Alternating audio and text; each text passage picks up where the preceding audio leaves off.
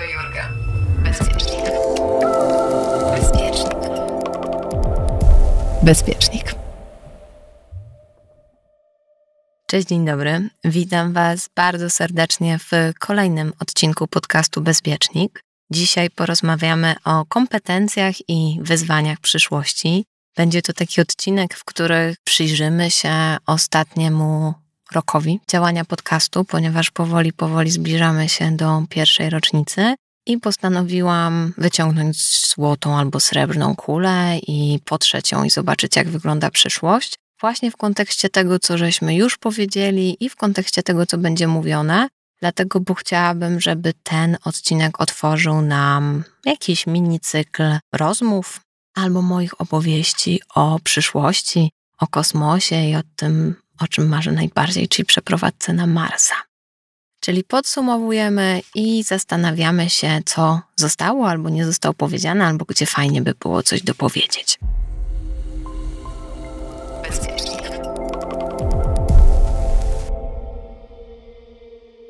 Pierwszym wyzwaniem przyszłości, który ja kiedyś zdiagnozowałam w ramach różnych warsztatów i wykładów komercyjnych, które robię, jest problem snu. I oczywiście rozmawialiśmy o tym czwartym odcinku podcastu i potem mieliście też przyjemność posłuchać mojego live'a dla Plantuje, gdzie znów mówiłam o śnie.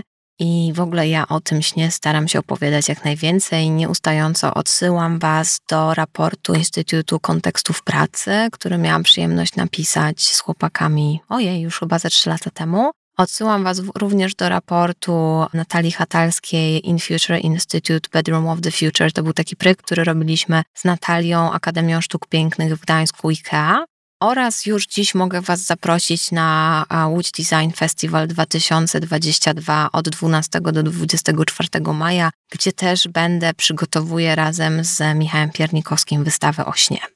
I dlaczego ten sen jest takim wyzwaniem przyszłości i tak często do niego wracamy i projektowo, i badawczo?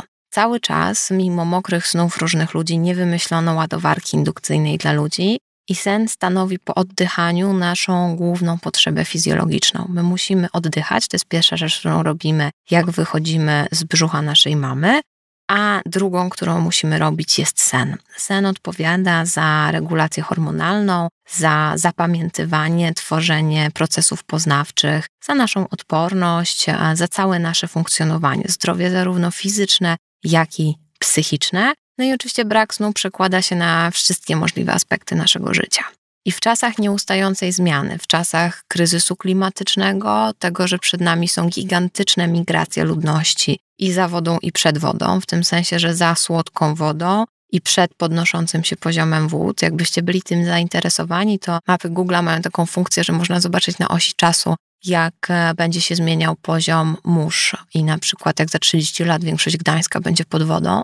I to spowoduje, że ludzie będą się masowo przemieszczać tak duże migracje na tak wielką skalę, no powodują oczywiście nowe warunki pracy, nowe warunki bytowania, zwiększają ilość ludzi w tym stanie nomadycznym.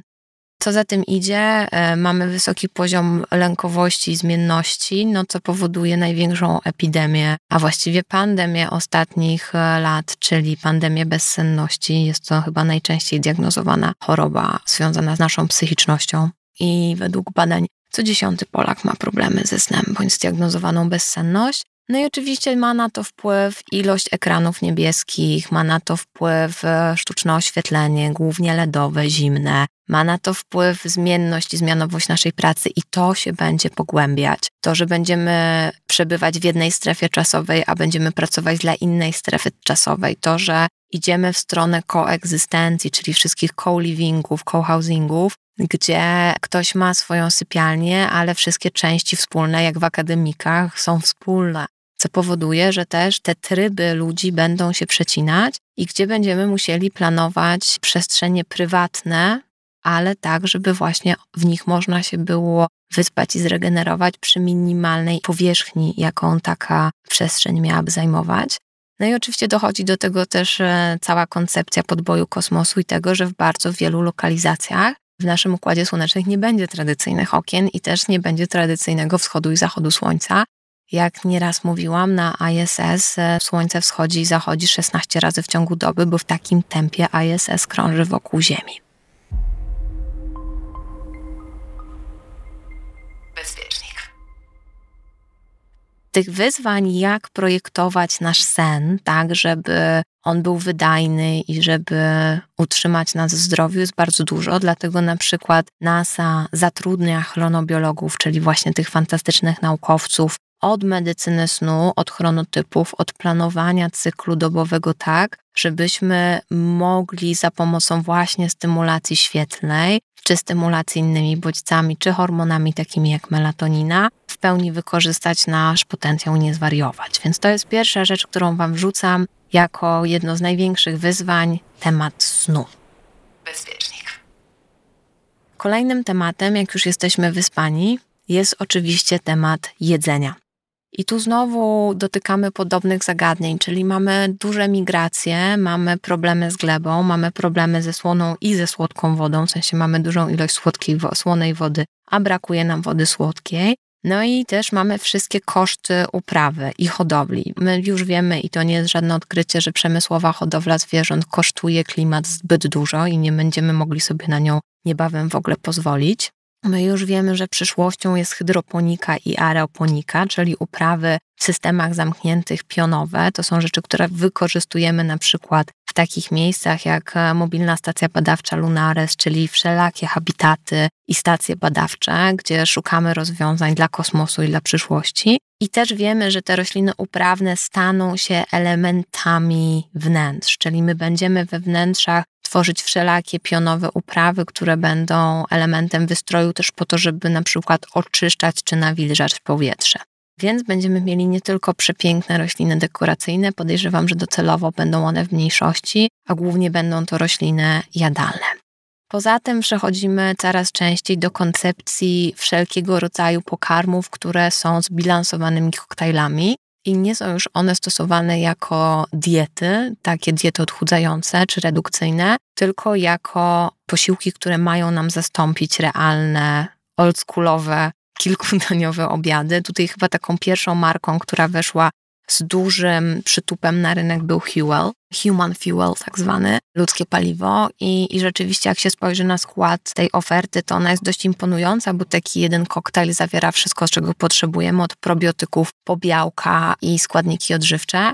I sama czasem korzystam i sama w różnych sytuacjach sprawdzam, jak to się sprawdza na dłuższą metę. I myślę, że to jest jedna z opcji, które będą coraz bardziej popularne, ponieważ ten dostęp do różnorodnego jedzenia będzie coraz mniejszy i też nasze tempo życia, zmianowość, ten nomadyzm mogą doprowadzać do tego, że takie tradycyjne kuchnie czy restauracje no, będą dobrem luksusowym, a jeżeli w tym tempie będzie rosła inflacja i ceny e, surowców, to może się okazać, że to w ogóle będzie coś, na co będziemy sobie pozwalać od wielkiego dzwonu to tu widzę kolejną ścieżkę rozwoju i zmian, tak naprawdę rozwoju i zmian, które się będą działy. I taką odnogą tej koncepcji jedzenia w proszku, czyli jakichś gotowych e, past bądź mas, jest opcja drukowania jedzenia, czyli tego, że my mamy tą naszą pastę idealną, która ma wszystkie doskonałe składniki odżywcze i żeby nie pić tego ciągle w formie szejku, no co ma wątpliwy wpływ na nasz zgryz, mięśnie żuchwy, ślinianki, i na stan naszych zębów, człowiek jednak potrzebuje gryźć, to będziemy wykorzystać drukarki po to, żeby nadać tej e, substancji bardzo różne wzory, kształty i kolory, żeby znowu oszukać, tak jak laminatami oszukujemy drewno, tak będziemy oszukiwać drukiem dania, które pamiętamy z tradycyjnych kuchni narodowych czy fine diningu. Oprócz tego na pewno będą się na maksa rozwijać liofilizaty, czyli ta żywność odwodniona, e, mrożona, suszona, której w tej chwili większość z nas, jeżeli uprawia sporty, wykorzystuje w gorach czy w podróżach, ale to też się bardzo rozpycha na rynku. To już też nie jest tak, że zabieramy ze sobą puszki czy zupki w proszku, tylko idziemy w pełne liofilizowane dania. Zresztą jedna z polskich marek jest czołowym producentem w Europie i ma naprawdę świetne standardy. No poza tym oczywiście będziemy szli w roślinne zamienniki, bo mięso jest w odwecie. Warszawa jest chyba europejską stolicą weganizmu i rzeczywiście ta ilość opcji jest gigantyczna. Ja pamiętam mięsa już praktycznie 20 lat i pamiętam, jak moja mama przywoziła mi tofu z Francji albo jeździł się na stadion dziesięciolecia jeszcze jak istniał po, po dobre tofu. a teraz tak naprawdę w każdym sklepie możemy dostać mleko roślinne i ono już nie trąci gruntem i znaleźć wszystkie możliwe bekony, parówki i jajka w wersji roślinnej. I to jest zdecydowanie coś, co się dzieje na naszych oczach i będzie tylko eskalować, bo taka jest konieczność. Oczywiście trzeba być w tym super rozsądnym, bo pojawiło się coraz więcej artykułów mówiących o tym, że nie wszystkie produkty wegańskie są zdrowe i nie wszystkie są ekologiczne. Że na przykład ilość wody, którą trzeba zużyć do stworzenia mleka migdałowego jest niewspółmiernie większa od na przykład mleka owsianego. Czy realne składniki odżywcze części zamienników mięsa w postaci paróweczek czy kiełbasek to jest tak naprawdę junk food. Więc tu bardzo, bardzo zachęcam do czytania etykiet i zastanawiania się, czy to, że przeszliśmy na dietę roślinną, rzeczywiście jest zdrowym zamiennikiem, czy jest pewnego rodzaju modą.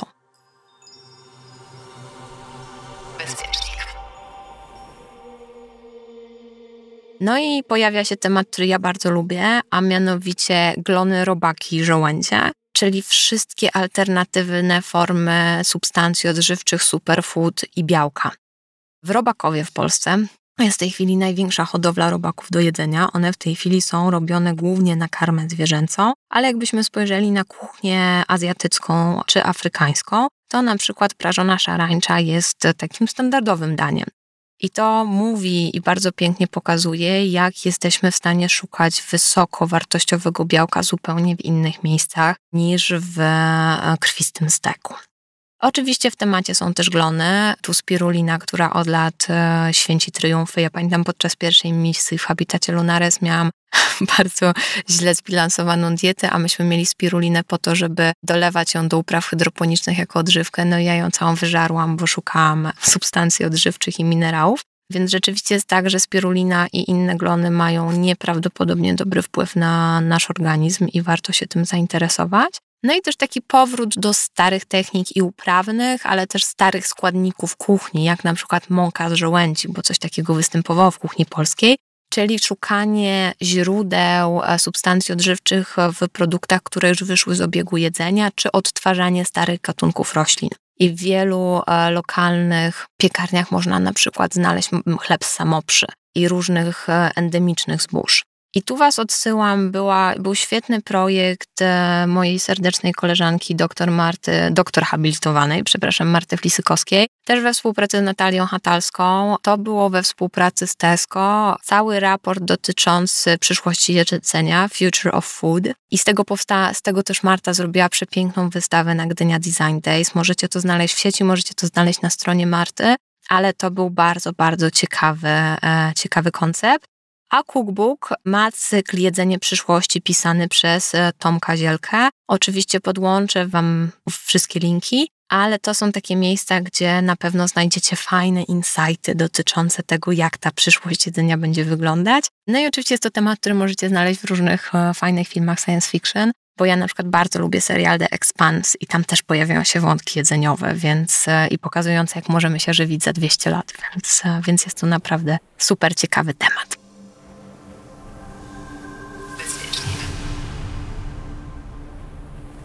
Kolejnym wyzwaniem niewątpliwie jest mobilność. I to jest e, odcinek ósmy e, drugiego sezonu pod tytułem Automobile i omnibusy. I tam rozmawialiśmy trochę o autonomicznych samochodach, rozmawialiśmy o tym, czy drony staną się taksówkami, jak e, w piątym elemencie, i o tym, jakie w ogóle są perspektywy na te dalsze kroki poruszania się i przemieszczania się. I oczywiście i niepodważalnie koncepcję tego, że mobilność będzie autonomiczna. I o tym dość dużo właśnie było w tym odcinku powiedziane. Ja mówiłam o tym, w jakie stopnie tej autonomiczności się już wydarzyły i jakie będą się wydarzać i co jest do tego możliwe. Ale oprócz tego pojawiają się takie zupełnie nowe koncepcje, jak e, środki transportu międzyplanetarnego. No i teraz musicie się zaśmiać, że wcale nie jest to nowe, bo oczywiście Saturn V, von Braun i e, wszystkie koncepcje Friedmana mm, i statku Orion na to, że będziemy w stanie mieszkać i przemieszczać się między planetami powstawały po II wojnie światowej, czyli no mają już 60, 70, a czasami nawet 80 lat. No i niewiele się wydarzyło i z jednej strony tak, niewiele, ale z drugiej strony jak spojrzymy na ostatni rok i to, co wyczynił SpaceX z misją Impossible 4, czy to, co robi Blue Origin, czy to, co robi Virgin Galactics, czyli wszystkie te firmy zarządzane przez miliarderów, pokazujące nam, że kosmiczna turystyka jest w zasięgu naszej ręki, pokazuje nam, że ta mobilność będzie się zmieniać. No i oprócz tego, że musimy mieć rakiety, które nas wyniosą, czy na Księżyc, czy na Marsa, no to musimy mieć tam jeszcze pojazdy, które pozwolą nam się e, tam poruszać i one muszą być duplikowalne, one muszą też być autonomiczne, super wytrzymałe i przed nimi stoją zupełnie e, nowe poziomy trudności. Więc ja nie tylko jestem ciekawa tego, jak będą wyglądać drony, taksówki na terenie Ziemi, ale jestem też super ciekawa, jak realnie będą działać i funkcjonować te duplikujące się pojazdy, na przykład na powierzchni Marsa. I jak rozmawiamy o mobilności, to tu też jest jeszcze jeden bardzo ciekawy temat, a mianowicie egzoszkielety. Ja miałam przyjemność mieć na sobie raz egzoszkielet i rzeczywiście czułam się jak postać e, z komiksów, bo to wrażenie, że jesteś w stanie dźwignąć bez wysiłku coś, co z twojej wagi albo cięższe, jest takie mind-blowing. Jest to doświadczenie absolutnie niesamowite ze względu na to, że kiedy ja się zajmuję sensoryką i nagle moje zmysły mnie okłamują, w sensie ja co innego czuję, że powinno się wydarzyć, a co innego się wydarza i te bodźce zmysłowe mają error, mają dysonans poznawczy, jest naprawdę niesamowite. I obserwując, jak coraz częściej egzoszkielety się wykorzystuje, czy w twardej inżynierce, budowlance, czy w wojsku, no to wchodzimy do tego tematu, który był poruszany przez dwa ostatnie odcinki, czyli do relacji człowiek-maszyna i co się będzie działo, jak elementem człowieka stanie się stały kontakt, stała relacja z maszyną. To jest super ciekawe i jestem przekonana, że to się będzie działo w ciągu kilku następnych lat.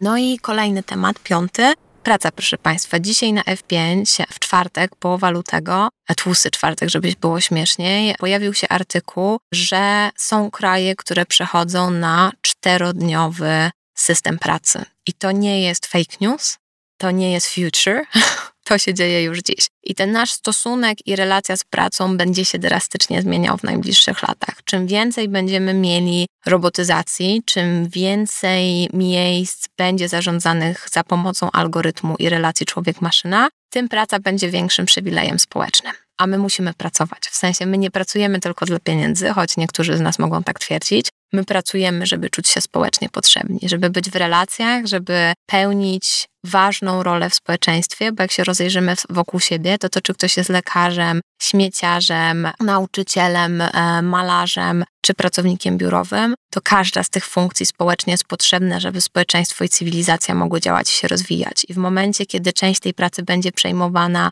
przez systemy, to my zaczniemy mieć więcej czasu. Od kiedy mamy elektryczność, to ten kult pracy stał się takim wyznacznikiem kultur wysoko rozwiniętych i nagle znowu w bardzo krótkim czasie, za krótkim adaptacyjnie do tego, żebyśmy mogli przez to łatwo przejść, będziemy dochodzić do momentu, gdzie będziemy się oswajać z mniejszą ilością pracy, z tym, że praca jest zaszczytem i przywilejem, tym, że jest ona służbą społeczną. I ja jestem super ciekawa, jak, jak to przejdziemy, ale w ramach tego będzie się też zmieniać sposób naszej pracy, bo to, że ona jest nomadyczna, to my już wiemy. My, pandemia wymusiła zmiany w relacji, gdzie pracujemy, jak pracujemy. Mamy dużo większą gotowość do pracy zdalnej i zmiennej dla innych stref czasowych na zupełnie nowych zasadach, w biurowcach, gdzie biurka się wynajmuje i bukuje, a nie gdzie mamy swoje biurko. W przestrzeniach zamkniętych prowadzi się bardzo dużo badań na temat wykorzystania sztucznego oświetlenia naśladującego cykl światła słonecznego, tak żeby doświetlić pomieszczenia bez okien. Tu znowu się odnoszę do kosmosu czy do bardzo wysuniętych e, na bieguny stacji badawczych właśnie po to, wprowadzając tam tu również rośliny, żeby stworzyć człowiekowi idealne miejsce pracy, ale nie takie, jak żeśmy sobie je do tej pory wyobrażali. Czyli nie moje biurko, moje okno, moje zdjęcie rodziny, mój kwiatek, tylko zabukowane biurko w podziemiu na przykład, bez okien, gdzie będzie piękne światło wschodzącego słońca i pięknie rosnące bananowce, ale takie, które nigdy nie widziały prawdziwego słońca. Więc to jest bardzo ciekawe, szczególnie jak weźmiemy pod uwagę kulturę nanosekundy, czyli tego, że my wymagamy informacji w czasie rzeczywistym i realizacji zadań praktycznie też w czasie rzeczywistym. Więc tu duża nasza elastyczność i taka otwartość na to, żeby do tych nowych sytuacji się dostosować, ale z drugiej strony myślę też, że duża część z nas, e, jak zostanie zmuszona do tego, żeby pracować mniej, to wyjdzie im to na zdrowie, więc ja w tym widzę też pewną nadzieję. Bezpiecznik. Kolejnym, przedostatnim dużym tematem jest relacja sport i relaks. I trochę żeśmy o tym rozmawiały z Eli Wierkowską w dziesiątym odcinku pierwszego sezonu. O tym, jak ważna jest czuła dyscyplina, jak ważne jest w ogóle posiadanie czasu na zadbanie o siebie, ile nam daje praca z ciałem, ile nam daje praca z głową w postaci ćwiczeń uważności, jak zachowanie zdrowia fizycznego nie jest możliwe bez zachowania zdrowia psychicznego i na odwrót. I te wszystkie rzeczy my już wiemy. My też wiemy, że i sport, który się super szybko rozwija, nie jest sportem, w sensie nie jest przepalaniem kortyzolu wyprodukowanego w wyniku wysokiego stresu. Więc e, ten kult i potrzeba bycia w ruchu wynikająca jeszcze z antyku jest dla nas niezwykle istotna. My się musimy ruszać, nie tylko dla pięknej sylwetki, nawet w mniejszym stopniu, ale właśnie dlatego, żeby być dotlenionym, wyprostowanym, odważnym, patrzącym przed siebie, z dobrą akomodacją wzroku, do tego, żeby zachować się w formie. I znowu nie myślę tutaj o konkretnych wymiarach, tylko o byciu w formie psychofizycznej. Do tego wszystkiego oczywiście dochodzą tematy doświadczeń przenoszonych za pomocą VR-u i IR-u i sieci. I tu można by się było odnieść i do seksu na odległość, i do rywalizacji i sportów na odległość, i do koncepcji hologramów, e, która też pojawia się coraz częściej, że ktoś będzie nam się wyświetlał, ale fizycznie będzie w innym miejscu na świecie, w innej strefie czasowej. Tu oczywiście gigantycznym tematem jest metaversum, a ja jestem bardzo na nie. I to też nie jest tajemnica. W sensie, jak spojrzymy na wszystkie choroby związane z wynikową uzależnienia od życia w sieci i brakiem umiejętności społecznych, żeby radzić sobie z powrotem do świata offline, i wynikowymi tego dla społeczeństwa i dla, dla zdrowia, no to palą mi się wszystkie czerwone lampki, ale niewątpliwie jest to element naszej rzeczywistości, czyli ja mogę mieć jakiś punkt widzenia, ale tak jakby świat już, już tam idzie. Więc e, znowu zachowanie zdrowej ciekawości, bo wszystko, co tworzymy przez ludzi, jest dla ludzi, ale z takim podejściem do tego, że to trzeba będzie umieć wyważyć i sobie dozować, no bo jak wszystkie inne doświadczenia internetowe i social media, będzie i jest to tak zaprojektowane, żeby powodować u nas wystrzał dopaminy, więc żeby nas uzależniać. I to jest super ważne, takie widzenie, gdzie ja jestem z tymi doświadczeniami i znowu co mi służy, a co mi nie służy, bo jako ludzie nadal wyszliśmy z wody, z lasu i z przyrody, czyli tym środowiskiem dla nas e, wyciszającym i oswajającym jest natura, a nie Matrix. I do tego, e, do tego bardzo Was zachęcam, żeby zwrócić na to uwagę i myślę, że to jest takich wyzwań dotyczących psychiczności człowieka, to tak jak możemy powiedzieć, że sen jest wyzwaniem, bo trzeba o niego zadbać, ale i tak wszyscy będziemy spać i w metaversie też się będzie spało. Tak, e, w koncepcji przenoszenia świata do online i całego swojego życia, również emocjonalnego i prywatnego, widzę dużo wyzwań, aczkolwiek kultura już to zna, tak? Bo to nie jest absolutne nowum, to po prostu wchodzi na, e, na wyższy poziom. No i w tym wszystkim, czyli i w tym sporcie, i w tym relaksie pojawia się relacja znowu człowiek-maszyna, czyli i robot jako mój partner, partnerka, nie tylko seksualny, ale również do życia. Są takie kraje, gdzie Japonia, gdzie ślub z, z robotem jest dopuszczony prawnie. Więc e, musimy pamiętać o tym, że to też już się dzieje i że te formy wyobcowania spowodowane światem bardzo zaawansowanym technologicznie i bardzo zindywidualizowanym powodują, że my jako zwierzęta stadne szukamy tej bliskości też gdzie indziej. No i też są wszystkie te projekty, które na przykład odpowiadają za tworzenie robotów opiekuńczych, które zajmują się osobami starszymi, podają leki, prowadzą proste rozmowy, ćwiczenia, czyli ten, ten moment, kiedy robot staje się takim elementem naszej codzienności, elementem krajobrazu, zostanem, też on się już dzieje i jest czymś, co, co jest codziennością dla wielu z nas. Są już ludzie, którzy pracują jako trenerzy robotów. Więc nawet jeżeli to się nie dzieje jeszcze w naszych domach, to w takiej przestrzeni społecznej to już jest.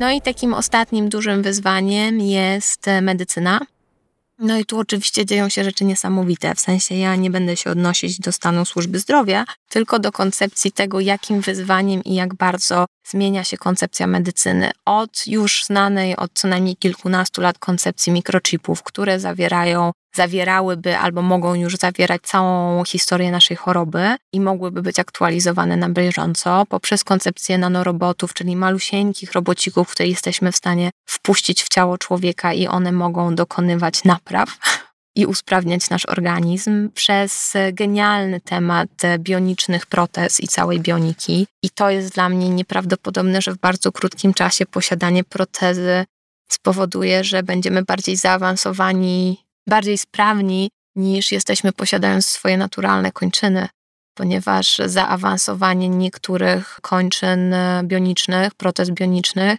jest tak dalekie, że no, jesteśmy w stanie tworzyć transformersy.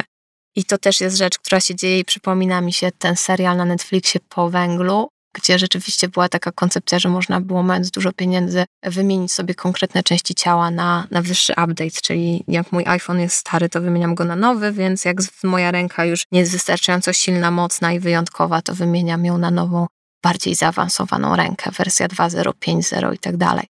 I to też jest taki element, który widzimy, że on się dzieje. Oczywiście te prace nad przekaźnictwem nerwów i impulsów z mózgu do technologii są jeszcze, no nie są już w powijakach, ale na dość wczesnym etapie.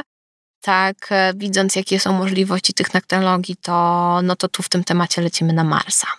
Poza tym, oczywiście, wszystkie operacje robotyczne. Tu prekursorem był robot Da Vinci, ale już idziemy dużo dalej. Już idziemy w koncepcję, że operator takiego robota znowu jest w innej strefie czasowej na innym kontynencie, albo te roboty są w pełni autonomiczne. O zastosowaniu sztucznej inteligencji, AI, do diagnozowania już żeśmy mówili.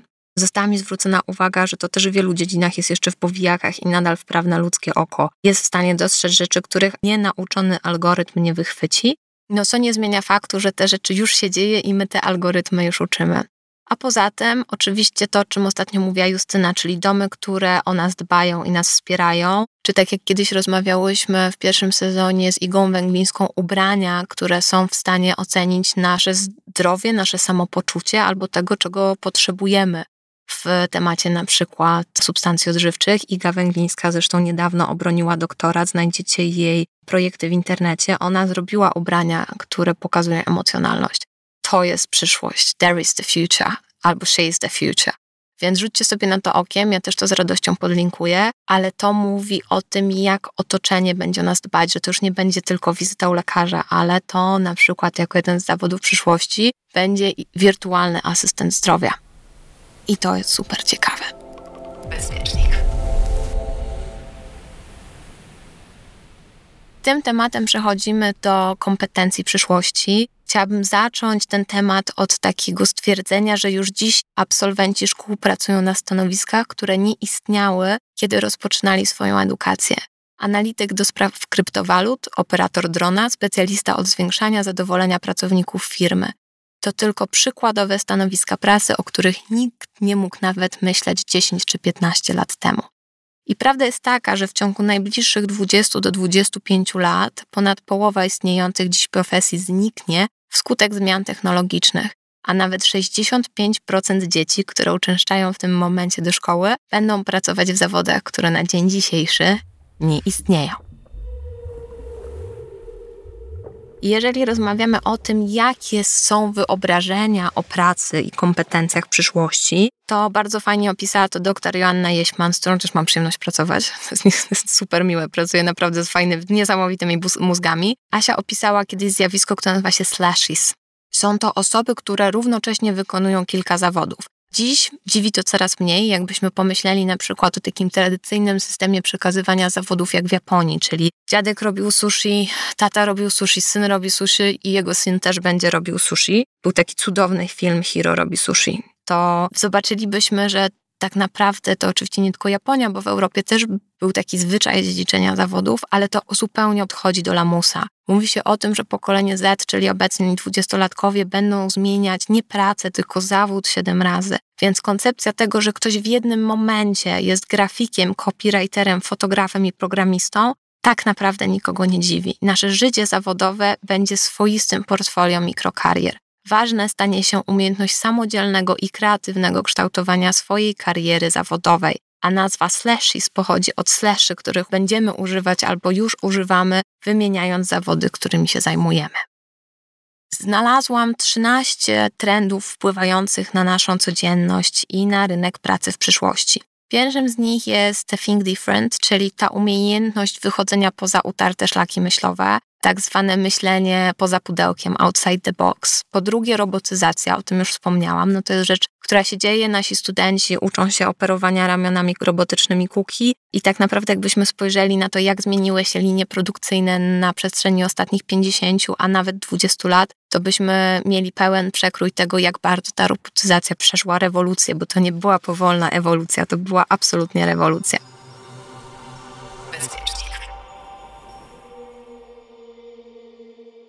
Kolejnym tematem jest Brain Computer Interface, czyli współpraca człowiek-maszyna. I to jest bardzo ciekawy temat i ja jestem bardzo, no tak, nadal znowu ciekawa. jestem super zainteresowana tym, e, w którym momencie my będziemy w stanie operować systemami za pomocą myśli, bo myślę, że to się wydarzy szybciej, chyba że DARPA już to robi, szybciej niż nam się wydaje. Poza tym już wspomniana kultura nanosekundy, czyli ta nasza potrzeba, że rzeczy mają się zadzieć natychmiast. My chcemy mieć w tej chwili newsy, my chcemy mieć szybko dostarczone jedzenie, jeżeli coś kupujemy w internecie, chcielibyśmy mieć to na dzisiaj albo na jutro. My jesteśmy w ogóle nieskłonni do czekania. Umiejętność cierpliwości odchodzi w niepamięć. Wszystko ma być teraz, bo jedyny czas, który istnieje, to jest teraźniejszość. Oczywiście następny trend klimatocentryzm, tego chyba nie muszę nikomu tłumaczyć. E, klimat jako powód, przyczyna i skutek e, wszystkich naszych działań, czyli to się też przeniesie na lokalność, to się przeniesie na zmianę sposobów transportu, zmiany podróżowania, tego, że i mamy syreny alarmowe wyjące na całym świecie, mówiące o tym, że przekroczyliśmy wszystkie czerwone linie i teraz to już nie będą delikatne zmiany, bo musimy zadbać o klimat. My musimy zmienić radykalnie sposób funkcjonowania jako gatunek, żebyśmy mogli ocalić jak na razie jedyną planetę, na której możemy spokojnie funkcjonować. A co za tym idzie, bo to też jest powiązane, bo te wszystkie tematy są ze sobą związane, tsunami technologiczne, czyli te zmiany, które zachodzą w takim tempie, że tak naprawdę nie jesteśmy w stanie tego objąć, że to tempo zmiany interfejsów, podzespołów, sposobów funkcjonowania technologii jest zrozumiałe dla ludzi głęboko wtajemniczonych, a tak naprawdę myślę, że znaczna część z nas żyje z technologiami na poziomie 2000-2010, bo w to umiemy. I oczywiście mamy szybsze komputery i mniejsze telefony, ale nie, nie znamy nawet możliwości sprzętu, który nosimy w kieszeni i systemów, z których korzystamy. Ja pamiętam, że jak uczyłam się Photoshopa, to też było bardzo wiele lat temu po raz pierwszy, to już wtedy mówiło się, że sami twórcy nie znają wszystkich możliwości. I myślę, że teraz, 11 lat później, jest jeszcze zabawniej. Poza tym holistyczna spójność, słowo holistyczne chyba jest słowem ostatnich dwóch lat, wszystko już jest holistyczne, czyli takie całościowe, czyli dbanie o to, żeby rzeczy miały ciągłość, żeby nie zajmowały się tylko, jak mamy problem z kolanem i idziemy do lekarza, to nie ma spojrzeć tylko na nasze kolano, tylko ma sprawdzić, czy to nie jest problem w barku i zapytać się o naszą dietę i też o sport, jaki uprawiamy, albo że go nie uprawiamy, czyli takie całościowe zajmowanie się tematami. To jest coś, na co ja strasznie czekałam bo uważam, że taka skrajna dyscyplin, takie skrajne dyscyplinowanie wszystkiego w bardzo wąskie dziedziny powoduje, że umierają łączniki i wymiana informacji, a my tego bardzo potrzebujemy. Holistycznego podejścia do nauki, do życia, do tworzenia, do wykorzystywania zasobów, które mamy. Następnie algorytmizacja życia, no to doskonale znamy. Uczenie AI-a wszystkiego tak, żeby on mógł ułatwiać nam życie. I konsekwencją tego kultura indywidualizmu, czyli to, że ten algorytmy będą w stanie dopasować rozwiązania skrojone na nasze indywidualne potrzeby. Potem kultura współpracy, czyli tego, że będziemy w małych wspólnotach wykonywać coraz więcej rzeczy razem i będziemy tworzyć te co-housingi, co-livingi, coworkingi, czyli robić rzeczy wspólnie. Silversi, super mocny temat, bo jako społeczeństwa starzejemy się w radykalnie szybkim tempie no za chwilę e, znaczna część społeczeństwa będzie w okolicach 60 i mówi się, że ci 60-latkowie to są ci nikt dzisiejsi 40-latkowie, czyli i sposób życia i zachowania i uprawianych sportów 60-latków e, będzie inny niż nawet obecne wyobrażenie o nich. to, jaką będą zajmować rolę społeczną, bo jak będziemy myśleli o 60-latkach, to nie będą ludzie, którzy będą szli na emeryturę. Zakładając, że człowiek może żyć 100 albo 120 lat. To będą ludzie dokładnie w kwiecie wieku. I to jest bardzo piękne, jak to się przesuwa. Więc z dużym szacunkiem do wieku i z dużą taką świadomością o tym, że nie możemy myśleć kategoriami sprzed 20 czy 30 lat, że wiek średni to 40, 60 to emerytura, a potem to właściwie już tylko dołek w ziemi. Zupełnie nie. Zupełnie perspektywa długości życia i sposób jego wykorzystania, szczególnie jak będzie coraz mniej młodych ludzi, przenosi się na to, że to właśnie sylwersi będą tą potęgą. Więc, e, drodzy Państwo, siwiejmy się z godnością.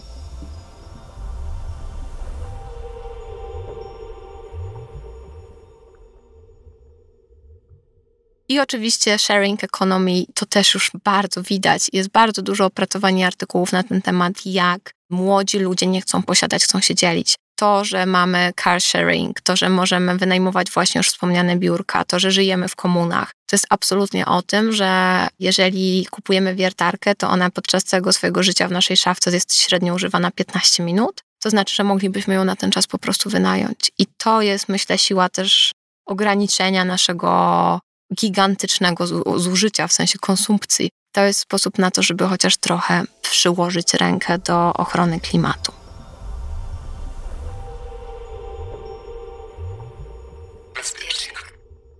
No i ostatni taki bardzo mocny trend, czyli open source, czyli udostępnianie rzeczy ludziom, żeby mogli z nich korzystać. I z danych e, Światowego Forum Ekonomicznego 85 milionów miejsc pracy zniknie w wyniku automatyzacji do 2025 roku. W tym samym czasie pojawi się 97 milionów nowych ról. I to jest super ciekawe, bo te nowe zawody naprawdę brzmią całkiem fajnie. Ale zanim przejdziemy do nowych zawodów, musimy sobie zdać sprawę, że taką kompetencją przyszłości to są kompetencje miękkie. Przyszłemu pracownikowi nie jest potrzebna umiejętność wyrecytowania z pamięci skomplikowanych wzorów matematycznych czy praw dynamiki Newtona. W każdej chwili może odszukać je w sieci. Dużo ważniejsza jest umiejętność ich zrozumienia i określania, do czego mogą się przydać. I cechy, na które warto zwrócić uwagę, to jest na pewno zarządzanie ludźmi i umiejętność motywowania, kierowania zespołami, zwrócenie uwagi na jednostki, a co za tym idzie, umiejętności negocjacyjne i mediatorskie, zdolności takie adaptacyjne do zmiany, czyli do szybkiego przystosowywania się do tego, jak otoczenie będzie się zmieniać, a będzie się zmieniać radykalnie w bardzo krótkim tempie. Jak to kiedyś powiedział ktoś mądry, jedyną pewną rzeczą w życiu jest zmiana. Inteligencja emocjonalna, która pozwala zarządzać emocjami własnymi, ale pomagać też objąć emocje innych. Elastyczność poznawcza, no to tak o tej zmianie bardzo umiejętność rozwiązywania nawet najbardziej złożonych problemów, w tym wychodzenia z sytuacji kryzysowych, i tu się bardzo przyda to myślenie poza utartymi schematami, myślenie krytyczne, no i oczywiście kreatywność. Fajne stwierdzenie, że skończyły się czasy, gdy na stanowisku menedżerskim potrzebny był człowiek z encyklopedyczną wiedzą o historii i rozwoju produktu. Dzisiaj bardziej w cenie specjalista o wysokich kompetencjach komunikacyjnych, wykazujący się empatią i umiejętnością pracy z ludźmi.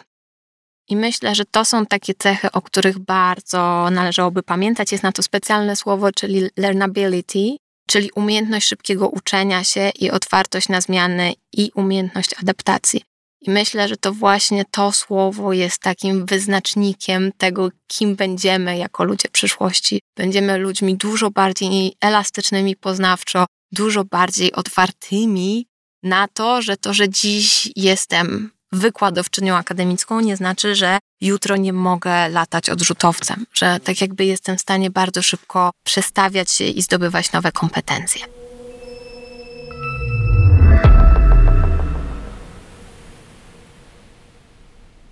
Mam dla Was osiem grup zawodów przyszłości już na sam koniec. Jeżeli sami się zastanawiacie nad pracą albo macie dzieci w wieku, które zastanawiają się nad swoją przyszłością, to jest bardzo ciekawa za, zagwostka. Ja to oczywiście dorzucę też na sociale. I pierwszą grupą to jest Personal Digital Curator, osobisty kurator cyfrowy, Cool Hunter, analityk trendów rynkowych i Digital Tailor, cyfrowy krawiec.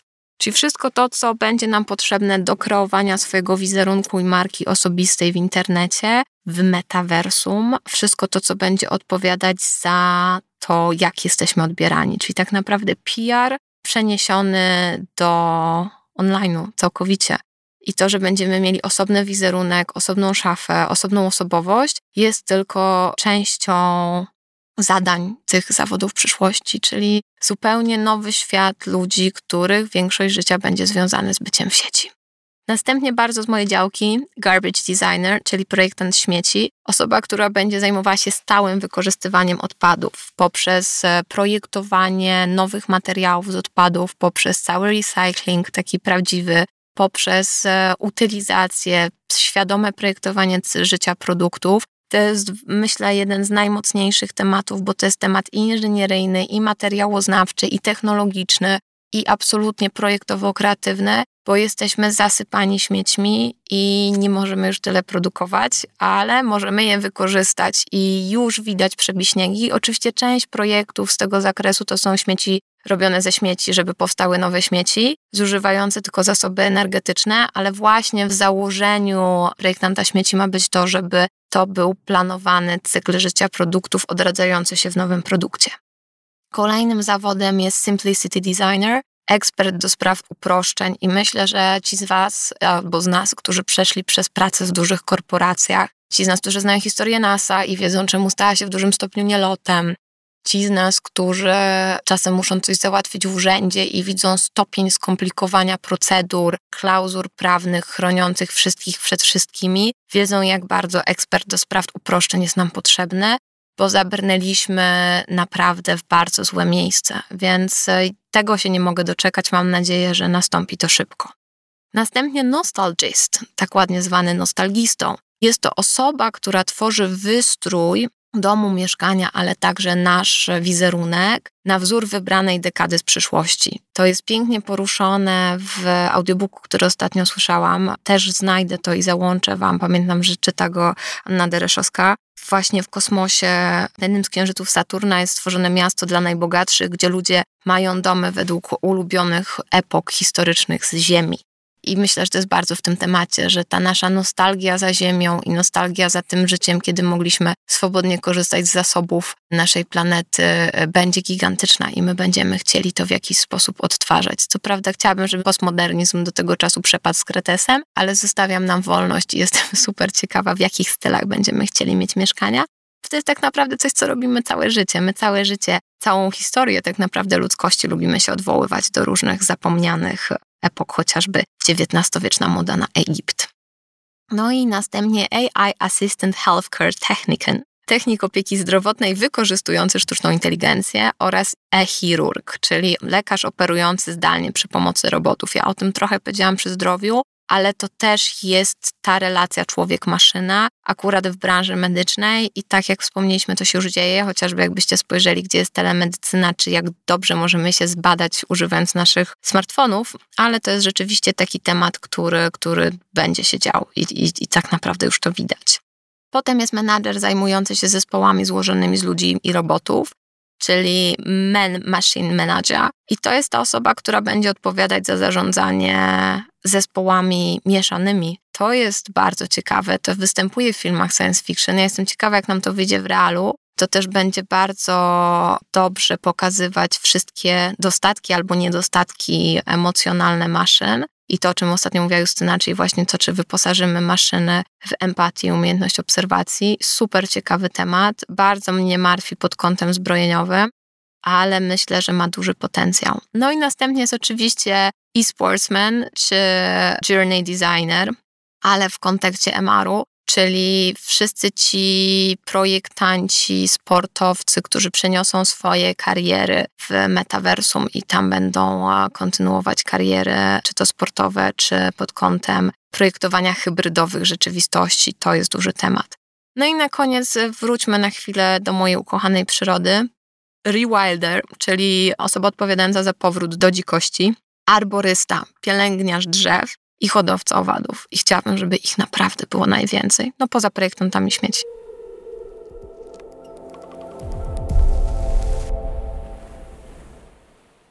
I tym pozytywnym akcentem bardzo serdecznie Wam dziękuję za kolejny odcinek.